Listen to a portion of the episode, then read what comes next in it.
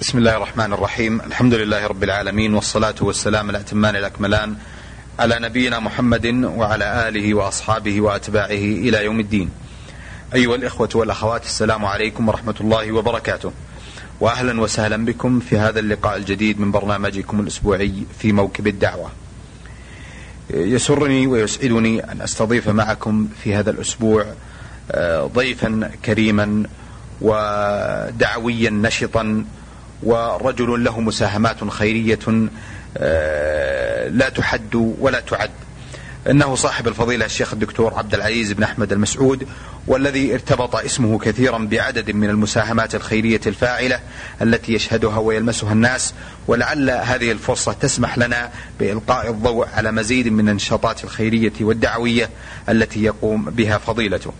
لا أملك في مطلع هذا اللقاء إلا أن أرحب باسمكم جميعا بصاحب الفضيلة الشيخ الدكتور عبد العزيز بن أحمد المسعود شاكرا له تكرمه بقبول هذه الدعوة فأهلا وسهلا بكم. حياكم الله وأهلا وسهلا بكم. آه، فضيلة الدكتور الحقيقة آه، قبل أن ندخل في عدد من الأمور الدعوية والمساهمات الخيرية نحب أن نأخذ إطلالة عجلة على آه، البدايات الأولى لكم في حياتكم. فأين كان مولدكم ونشأتكم؟ بسم الله الرحمن الرحيم. الحمد لله رب العالمين وصلى الله وسلم وبارك على نبينا محمد وعلى آله وأصحابه أجمعين. بداية أشكر الشيخ محمد على هذا اللقاء الطيب وإن كنت أعتب عليه بما ذكر فحقيقة لعله بالغ بعض الشيء فيما نسب إلي وما قدمناه ما هو إلا جزء يسير أملاه علينا ديننا الحنيف. وأما من الناحية المولد والناحية التعليمية في السنوات الأولى فقد ولدت في مدينة بريدة ودرست بها في المرحلة الابتدائية والثانوية في المعهد العلمي. ثم بعد ذلك تخرجت من المعهد العلمي والتحقت بكلية الشريعة في آه، مدينة الرياض. فبقية الحياة قضيتها في مدينة الرياض. آه، شيخ عبد العزيز آه، التعليم أيضا وصلتم مراحل الماجستير والدكتوراه أيضا. أين كانت؟ بالنسبة للماجستير فقد أخذتها من كلية الدعوة في الرياض وأما بالنسبة للدكتوراه فمن الجامعة الإسلامية في المدينة المنورة. أحسنتم. شيخ عبد العزيز الحقيقة أيضا دائما يلمس كثير ممن سلك طريق وسبيل الدعوة إلى الله سبحانه وتعالى. ونشر العلم والتعليم والمساهمة في العديد من الأمور الخيرية الطيبة. أن يكون آه، ذلك نتيجة دافع آه، شرعي وديني يحفزه إلى ذلك إضافة إلى ما يجد من تأثر من شخصيات. لابد وأن هناك العديد من الشخصيات التي كان لها تأثير في حياتكم العلمية والدعوية. آه، سواء كان ذلك في المراحل الأولى في التعليم أو في المراحل اللاحقة لذلك. نسأل الله سبحانه وتعالى يجعلنا مفاتيح للخير ومغالق للشر. ما في شك أن الإنسان يتأثر بمن حوله. فأول شخصية تأثرت بها هي شخصية والدي عليه رحمة الله. فقد حفظ القرآن الكريم وعمره 12 عاما. وكان يلازم المشايخ والعلماء.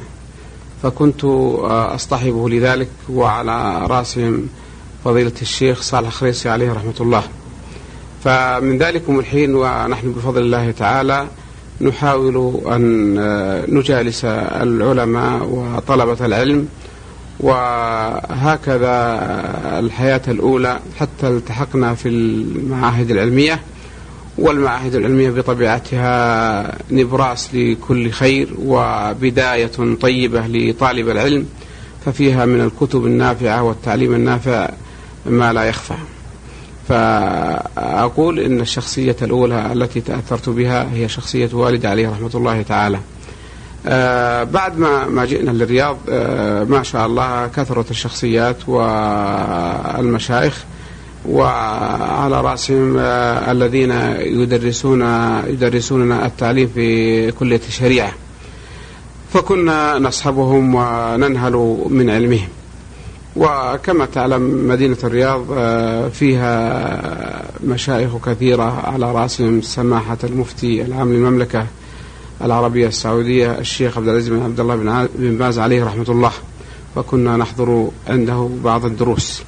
إضافة إلى بعض العلماء الأفاضل الذين برزوا في مدينة الرياض. فكنا نتذاكر مع بعض الزملاء إضافة إلى حضورنا إلى الجلسات التعليمية في المساجد وغيرها. أحسنتم شيخ عبد العزيز. أه، هل تذكرون بعض الزملاء الذين رافقوكم خلال المشوار العلمي سواء في المراحل الأولى أو التي تلتها والله الحقيقة الزملاء كثيرون ولا نحب أن نذكر أحدا عن أحد لكن بفضل الله تعالى آه الذين شققنا الطريق وإياهم كثر وبفضل الله تعالى كلهم سلكوا ميادين الخير وأصبحوا آه، لهم تأثير قوي في المجتمع. فلا نحب أن نخص أحدا بالذكر لكن نقول إنهم بفضل الله تعالى آه، ثروة آه، اكتسبناها واستفدنا منها وكان بيننا من التعاون الكثير الذي جعل بعضنا يشد بعضا حتى وصلنا بفضل الله تعالى إلى ما وصلنا إليه. أحسنتم. شيخ عبد العزيز هل تذكرون أول عمل التحقتم به سواء كان ذلك آه، اثر تخرجكم من كلية الشريعة أو إذا كان هناك عمل قبل ذلك؟ والله أول عمل تقريبا بعد ما تخرجت من كلية الشريعة آه، صدر التوجيه في آه، المدرسة المتوسطة النموذجية. كان ذلك في الدور الثاني من عام 1398 آه، فما جلست إلا تقريبا 15 يوما ومن ثم جاء التوجيه للالتحاق في آه، الثانوية الشاملة. وما درست بها إلا تقريبا سنة ونصف وكلفت وكيلا للمدرسة حوالي أيضا ثلاث سنوات.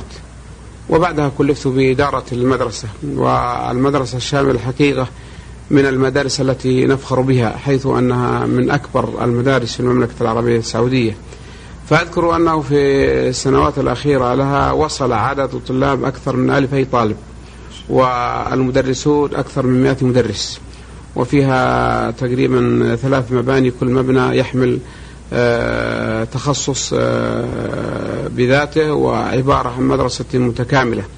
وكانت المدرسة بفضل الله تعالى كخلية النحل وأعتز وأفخر بأنني قمت بإدارة هذه المدرسة لأنني أرى بفضل الله تعالى أن المتخرجين منها ملأوا ميادين كثيرة من آه، مملكتنا الحبيبة. فمنهم الطبيب ومنهم المهندس ومنهم المعلم إلى آخره من الكفاءات والقدرات العالية. بعد ذلك آه، ذهبت إلى الكلية المتوسطة الرياضية ودرست فيها وفي الوقت نفسه سجلت رسالة الدكتوراه في الجامعة الإسلامية بالمدينة المنورة. ثم بعد ذلك لما أخذت بفضل الله تعالى الرسالة الدكتوراه عينت في الرئاسة العامة لهيئة الأمر بالمعروف والنهي عن المنكر. ثم بعد ذلك استلمت عمل مدير عام فرع منطقة الرياض قرابة خمس سنوات. ثم مستشارا لمعالي الرئيس العام للهيئات ثم معارا لمشروع الأمير سلمان للإسكان الخيري إضافة إلى مشروع بن باز لمساعدة الشباب على الزواج. إضافة بفضل الله تعالى إلى بعض المساهمات في الجمعيات الخيرية كتحفيظ القرآن الكريم وغير ذلك من المجالات الخيرية التي نسأل الله سبحانه وتعالى أن يجعلها في سجل الحسنات. أحسنتم الشيخ عبد العزيز وأثابكم الله. الحقيقة نبدأ بالمحطة الأولى التي آه، أو المحطة المهمة الحقيقة التي كان لكم إسهام مشهود ومشكور فيها. آه، الرئاسة العامة لهيئات الأمر بالمعروف والنهي عن المنكر عملتم فيها لفترة ولا زلتم وتوليتم سنام فرع الرئاسة بالرياض. آه، هذه التجربة التي قضيتموها سواء في العمل الإداري أو في عملكم العام في الرئاسة العامة لهيئات الأمر بالمعروف والنهي عن المنكر آه، بماذا تقيمون آه، أهمية العناية بهذا بهذه الشعيرة المهمة وهي الأمر بالمعروف والنهي عن المنكر؟ من خلال إيجاد جهاز له يتولى رعايته وإقامة ورفع لواء وشعار هذا الأمر المهم وهو الأمر بالمعروف والنهي عن المنكر. وبداية الحقيقة أنا أعتز بهذه الفترة وأسأل الله سبحانه وتعالى ألا يخيب رجاءنا وأن يضم يضمها إلى سجلات حسناتنا.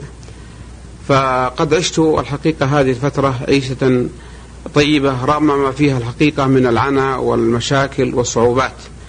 فالإنسان في هذا الجهاز يتعامل مع آه، فئات مختلفة منها العاملين في هذا القطاع والعاملون في هذا القطاع كما تعلم آه، مستوياتهم مختلفة واجتهاداتهم متباينة. فيحتاجون إلى من يلم شعثهم ويوجههم ويرشدهم ويقترب منهم كثيرا حتى يعرف نقاط الضعف فيعالجها ونقاط القوة فيقويها. فهم بحاجة ماسة إلى من يكون قريبا منهم وليس في معزل عنهم. وكلما تقترب منهم تجد التجاوب الكبير وتجد أنهم فعلا آه، بأمس الحاجة إلى من يرشدهم.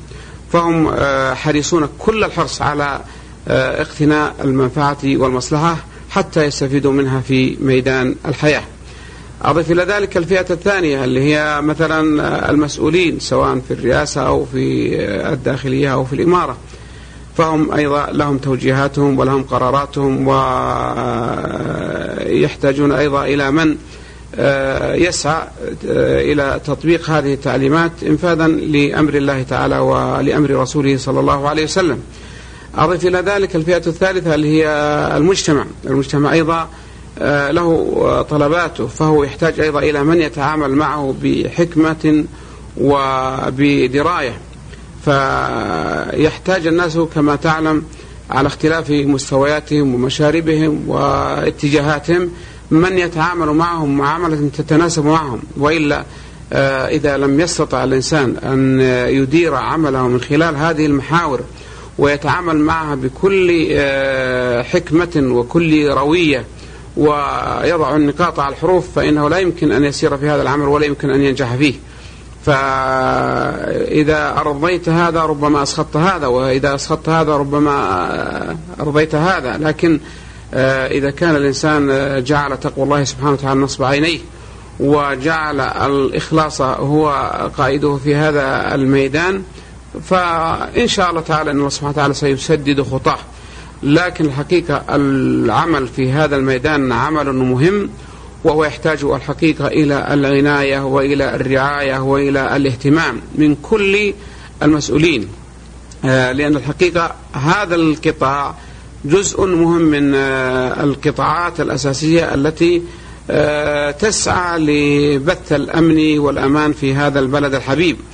فهم جهة أمنية تسعى لراحة المواطن ولبث روح التعاون ولإرشاد الناس ودلالتهم على الخير وبالتالي إن شاء الله تعالى قيادتهم إلى الجنة.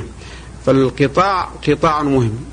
يجب أن نكرس كل الجهود بقدر ما نستطيع إلى مساندته وإلى معاونته وإلى إرشاده وإلى توجيهه. وأهم شيء أوجهه في هذا في هذه المناسبة هو الحقيقة الاعتناء بالعاملين لأن عاملين لأن العاملين هم الذين آه، يمثلون الجهاز وبالأخير يمثلون الدولة. فهم مرآة للدولة في حقيقة الأمر. فإذا ما تم الاهتمام بهم وعنايتهم من حيث الدورات ومن حيث المعاهد ومن حيث آه، آه، ومن حيث تأمين القدرات المؤهلة والكفاءات المؤهلة التي تعرف متى تأمر وتعرف متى تنهى وتعرف متى تحجم آه، فإن هذه الرسالة لا تؤدى على أكمل وجه. فنحن يجب أن نهيئ لهذا الجهاز ولهذا القطاع الكفاءات المثقفة المتعلمة التي لديها خبرة في القواعد الشرعية. وأما آه، أننا نبخل على هذا الجهاز على هذا الجهاز في هذا الجانب ونطالبه فوق قدراته فربما يكون في الأمر صعوبة. أحسنتم. شيخ عبد العزيز دعني أكون معكم صريحا وهو أنه قد يوجد آه، من آه، يتلمس بعض الأخطاء أو يبرز بعض الأخطاء أو آه، يشنع ببعض التصرفات الفردية التي قد تصدر من بعض رجال الحسبة وليأت الأمر بالمعروف والنهي عن المنكر. بصفتكم عملتم أيضا على جهاز مهم وهو منطقة الرياض. كيف ترون هذه الأخطاء التي قد تصدر حقيقتها؟ وما مدى آه، آه، التفاعل الذي قد يوجد من الناس تجاه تلك التصرفات أو الأخطاء التي قد توجد؟ وأيضا قد يكون بعضها آه، فيه شيء من المبالغة والتهويل. أولا يجب أن نعرف أن رجال الهيئة ليسوا ملائكة ونسلم بهذه الحقيقة أنهم بشر كغيرهم. فإذا كان الطبيب يخطئ ويسقط بين يديه هلك موتى بمجرد وصفة آه، اجتهد فيها وأخطأ. والمهندس ربما أخطأ في عمله فربما سقطت عمارة بكاملها على من فيها بسبب آه، اجتهاده الهندسي. ورجل المرور يخطئ وهكذا الناس كلهم خطاؤون وخير الخطائين التوابون. آه، فنقول رجال الهيئة كغيرهم. لكن آه الذي يجب أن نقف عليه هو أن الناس قد يبالغون في هذا الجانب ويحملون الهيئة ما لم تحتمل وينسبون إليها ما ليس فيها. أنا أقول نعم فيه من يخطئ وهم بشر. وإذا سلمنا آه بهذا الأمر فنقول نعم فيه من يخطئ. لكن هل هذا الخطأ مقصود أو نتج عن اجتهاد؟ بلا شك إن شاء الله أحسب أن العاملين في هذا القطاع أنهم من المحتسبين الذين يخافون الله سبحانه وتعالى. فإذا ما حصل خطأ فسببه الاجتهاد. فأنا أقول نعم فيه من يخطئ لكنه خطأ باجتهاد وكغيرهم من الذين يخطئون من الذين يمسكون قيادات المجتمع وأعماله. لكن الحقيقة عندما يصدر هذا الخطأ ويتبين لنا أن الاجتهاد ليس في محله فنعرف أن الجهات آه، والمسؤولين في هذا الجهاز لا يمكن أن يتركوا هذا الخطأ بل يعالج علاجا يتناسب مع حجمه. لكن الحقيقة الواقع آه، أن الناس لا يتحملون من الهيئة أي شيء. يعني الخطأ الواحد يحجم ويكبر وينشر في هذا المجتمع.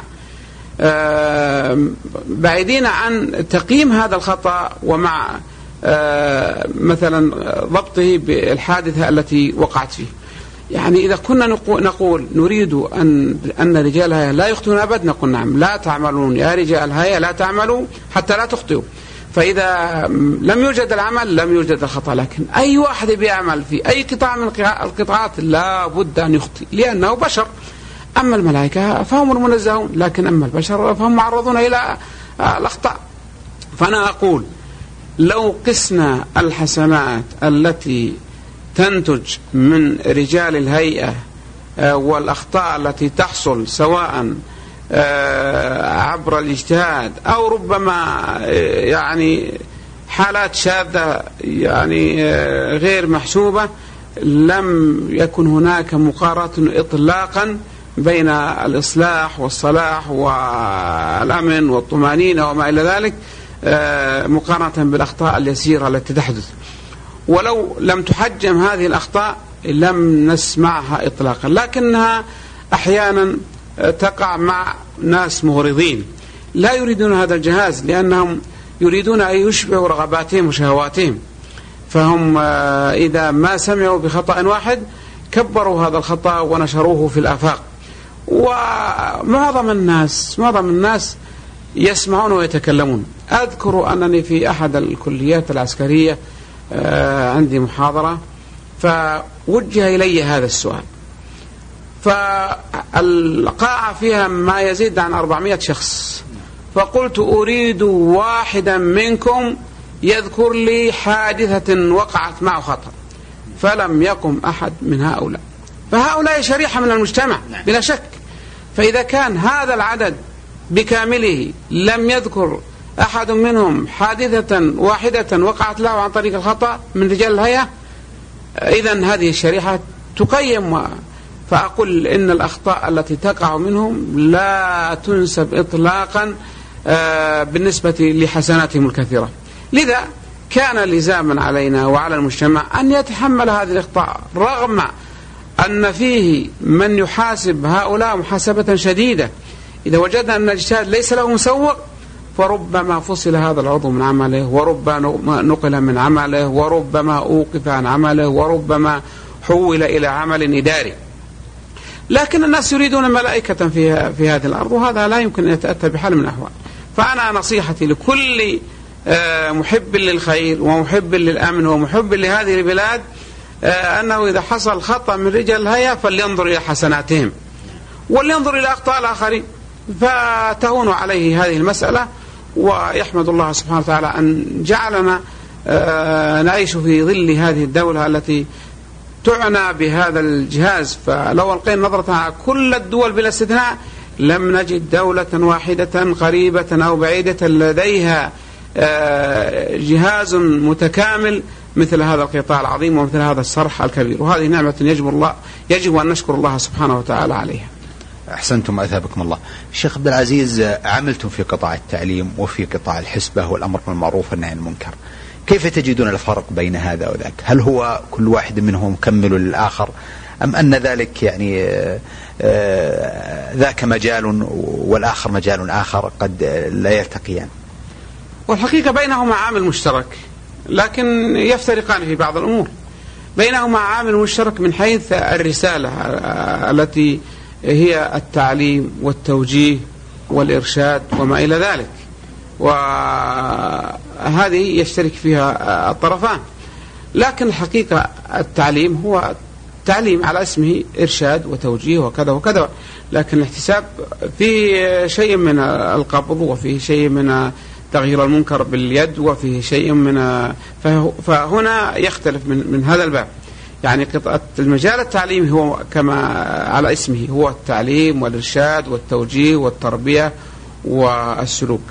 الهيئة تمارس الجهتين تمارس التوجيه والإرشاد والتعليم والتثقيف والإصلاح وما إلى ذلك لكنها أيضا لديها من الصلاحيات ما ليس في أي جهة أخرى هي الأخذ مثلا على يد السفيه تغيير المنكر على حسب ما يتناسب مع هذا المنكر.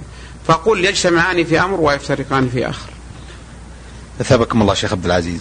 آه شيخ عبد العزيز آه توجهكم إلى الأعمال الخيرية ومشاركتكم فيها. آه هل كان لها سبب؟ هل كان لها موقف معين؟ هل كان بإيعاز من شخصية معينة؟ هل كان ذلك نتيجة دافع شخصي عشتموه منذ الصغر نحو التوجه لهذه الأعمال؟ هو الحقيقة بفضل الله سبحانه وتعالى عشت في كنف والدي. فكانت بفضل الله يده سحاء فكان يبذل الخير للقريب والبعيد. يحاول أن يخدم الناس بكل ما يستطيع. يأتيه الأشخاص من هنا ومن هنا هذا له مشكلة وهذا له قضية وهذا له حاجة فيقوم بها. فتأثرت بها أولا. أه لما كبر الإنسان ودرس وكذا وكذا انطلق من المنبع الشرعي فالمنبع الشرعي يوجه الإنسان أن يكون شعلة آه، تضيء الطريق آه، للناس وتسعى لإرشادهم وإصلاحهم لما يرجو عند الله سبحانه وتعالى. فبداية استلقيت هذه التوجيهات من والدي عليه رحمة الله ونهاية بفضل الله تعالى ما أمله علينا ديننا من خلال تعلمنا بأن الإنسان يجب أن يتحرك ويجب أن يسعى للآخرين ويحب الخير للناس كما يحبه لنفسه. وأعتقد إن هذه من الأمور التي فطر عليها الناس لكن منهم من يقوم بهذه المهمة ومنهم آه، من يجعل آه، مساعدته الآخرين محصورة في نفسه أو محصورة في اقاربه أو محصورة في الآخرين.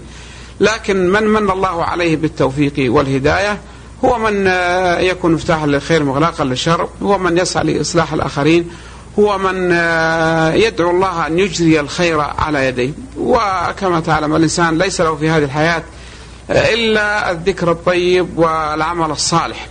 وكلنا سوف نذهب ونترك هذه الدار. فالذي يوفق آه، لأن يكون من الساعين للخير الجادين في إصلاح المجتمع الفاتحين لأبواب الخير هذا توفيق من رب العالمين. فأقول أهم شيء أنه ينطلق الإنسان من المنطلق الشرعي والنصوص القرآنية الصريحة والأحاديث النبوية الصحيحة كلها ترشد أن يكون الإنسان آه، يسعى الخير كما قال سبحانه وتعالى وتعاونوا على البر والتقوى ولا تعاونوا على الإثم والعدوان. فمن باب التعاون على البر والتقوى أن تسعى وتبذل الخير في كل ميادينه فإذا سعى الإنسان وكرس جهوده في إصلاح الناس وبذل الخير ومساعدتهم وحل مشاكلهم والاقتراب منهم الحقيقة هذا له أثر كبير على حياة نفسه. فيجد الحقيقة الإنسان في نفسه أن الله سبحانه وتعالى يسهل له كثيرا من الأمور الصعبة. وأقول لعل الله سبحانه وتعالى إذا أجرى على يدك الخير سهل لك أنت نفسك طريق الخير. فكم من مشكلة مر بها الإنسان وكم من معضلة مر بها الإنسان وكم من كربات وأمور أسرة مر بها الإنسان ويحس أن يد الله سبحانه وتعالى معه. يحس أن فرج الله سبحانه وتعالى قريب. وأنا أقول إن هذا الأمر لعله إن شاء الله دعوة من أحد المكروبين دعوة من أحد المحتاجين دعوة من أحد المعسرين دعوة إلى آخره. فأنصح نفسي وأنصح إخواني المسلمين أن يحاولوا بذل الخير بكل ما يستطيعون بكل ما يستطيعون. الإنسان قد ما يكون عنده مال. آه، يدفعه الآخرين. لكن لديه القدرة بأن يكلم فلان وفلان وفلان. آه، قد ما يكون عنده مثلا هو وظيفة وجاه لكن يستطيع أن يذهب لفلان ويتكلم في موضوع فلان إلى آخره. والناس الحقيقة يحبون أنه إذا كانت الصورة واضحة لهم أن يساهموا. يعني بفضل الله يعني المجتمع بشكل عام وهذا البلد بشكل خاص آه، أهله طيبون ويحبون الخير. فمجرد ما تفتح لهم الضوء الأخضر للدخول في هذا الباب كثير منهم لا يتردد في هذا الجانب. فأنا الحقيقة رغم قلة ما نقدمه لكن الإنسان يحاول أن يجاهد نفسه ويحاول أن يبذل آه، شيئا من ذلك. وإلا الحقيقة الإنسان دون مبالغة يشعر في التقصير ليل نهار يشعر بالأخطاء ليل نهار يشعر في الإساءة والذنوب ليل نهار. لكن نتعلق برحمة أرحم الراحمين وأملنا بالله سبحانه وتعالى كبير ونحسن الظن بالله سبحانه وتعالى ونفعل الأسباب التي نرجو أن يقبلها الله سبحانه وتعالى. من هذا الباب فقط وإلا, كل الناس آه، مدعوون للدخول في هذا الميدان. أحسنتم. آه، شيخ عبد العزيز لكم بعض المؤلفات والأبحاث المنشورة والمشاركات الدعوية. هل ممكن أن نستمع إلى أبرز تلك المشاركات؟ مشاركة الحقيقة بسيطة. من أهمها الأمر المعروف والنهي عن المنكر وأثرهما في حفظ الأمة. عبارة عن مجلدين. آه، فيها أيضا النصيحة آدابها وشروطها وفيها أيضا درجات تغيير المنكر وفي صفات الأمر المعروف والنهي عن المنكر إلى آخره من الكتيبات البسيطة. أحسنتم. آه، شيخ عبد العزيز الحقيقة أيضا بودي قبل أن أتناول معكم موضوع آخر. أجد أن وقت الحلقة لا يسعفنا بمزيد من التفاصيل حول آه، المشاريع المهمة التي تقومون آه، بالإشراف عليها ومتابعتها مثل مشروع سماحة الشيخ عبد العزيز بن باز رحمه الله آه، للتزويج وكذلك مشروع صاحب السمو الملك الأمير سلمان بن عبد العزيز الإسكان الخيري. قبل أن أدخل في هذين المشروعين أحب أن أطرح عليكم سؤالا يتعلق أيضا بالعمل الخيري والمساهمات الخيرية. هل تجدون أنه قد غطي هذا الجانب فعلا تغطية كما ينبغي أم أن هناك لا زال قصور من جانب الناس نحو تغطية الجوانب الخيرية التي يحتاجها الناس سواء كان الأرامل والفقراء والمحتاجين وغير ذلك ممن يجب أن ترعى شؤونهم وتقام جمعيات ترعى أحوالهم؟ الحقيقة أنا أقول لا زلنا في أول الطريق وأمامنا طريق طويل والحقيقة المجتمع لا زال بحاجة ماسة إلى آه، جمعيات كثيرة لتساهم في حل آه، ما يعانيه كثير من الناس. والحقيقة أنك إذا ألقيت نظرة تجد أن المشاريع الخيرية مكثفة في المدن الكبيرة. أما إذا ما اتجهت إلى المدن الصغيرة فتجد أن المشاريع فيها قليلة وهذا مشاهد.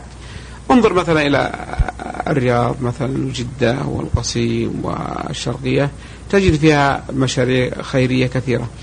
لكن انطلق إلى هناك وإلى هناك وإلى هناك تجد المشاريع محدودة يعني مقتصرة على جمعية أو جمعيتين. وربما هذا يرجع إلى الناس أنفسهم يعني الدولة ما قصرت وتدعم وتساعد. لكن الحقيقة القصور يأتي من الناس أنفسهم. فلو آه، تبنى آه، رجال الخير والمحبين للخير مثل هذه المشاريع أو غيرها تجد القبول وتجد الدعم من آه، الدولة ومن الناس. فأقول إن أمامنا طريق طويل والحقيقة أنا شخصيا الآن أحمل من الأفكار الكثيرة والمشاريع الجديدة التي تحت الدراسة إن شاء الله وأرجو أن ترى النور قبل أن نلاقي ربنا. لكن نقول أن المشاريع قليلة ونحن في أول الطريق والمجتمع بحاجة إلى أكثر وإلى أكثر. آه، ثابكم الله شيخ عبد العزيز. في الحقيقة آه، كما ذكرت آنفا بودي أن أسترسل معكم لكنني أرى أن وقت الحلقة لا يسمح لنا بمزيد من ذلك إلا أنني أعد الإخوة والأخوات أن يكون لنا تواصل آخر. مع صاحب الفضيلة الشيخ الدكتور عبد العزيز بن أحمد المسعود لنواصل الحديث معه عن عدد من النشاطات الخيرية التي يشرف ويرعاها التي يشرف عليها ويرعاها ونسأل الله سبحانه وتعالى أن يبارك له في علمه وعمله وأن يزيد وأن يزيده توفيقا وتسديدا.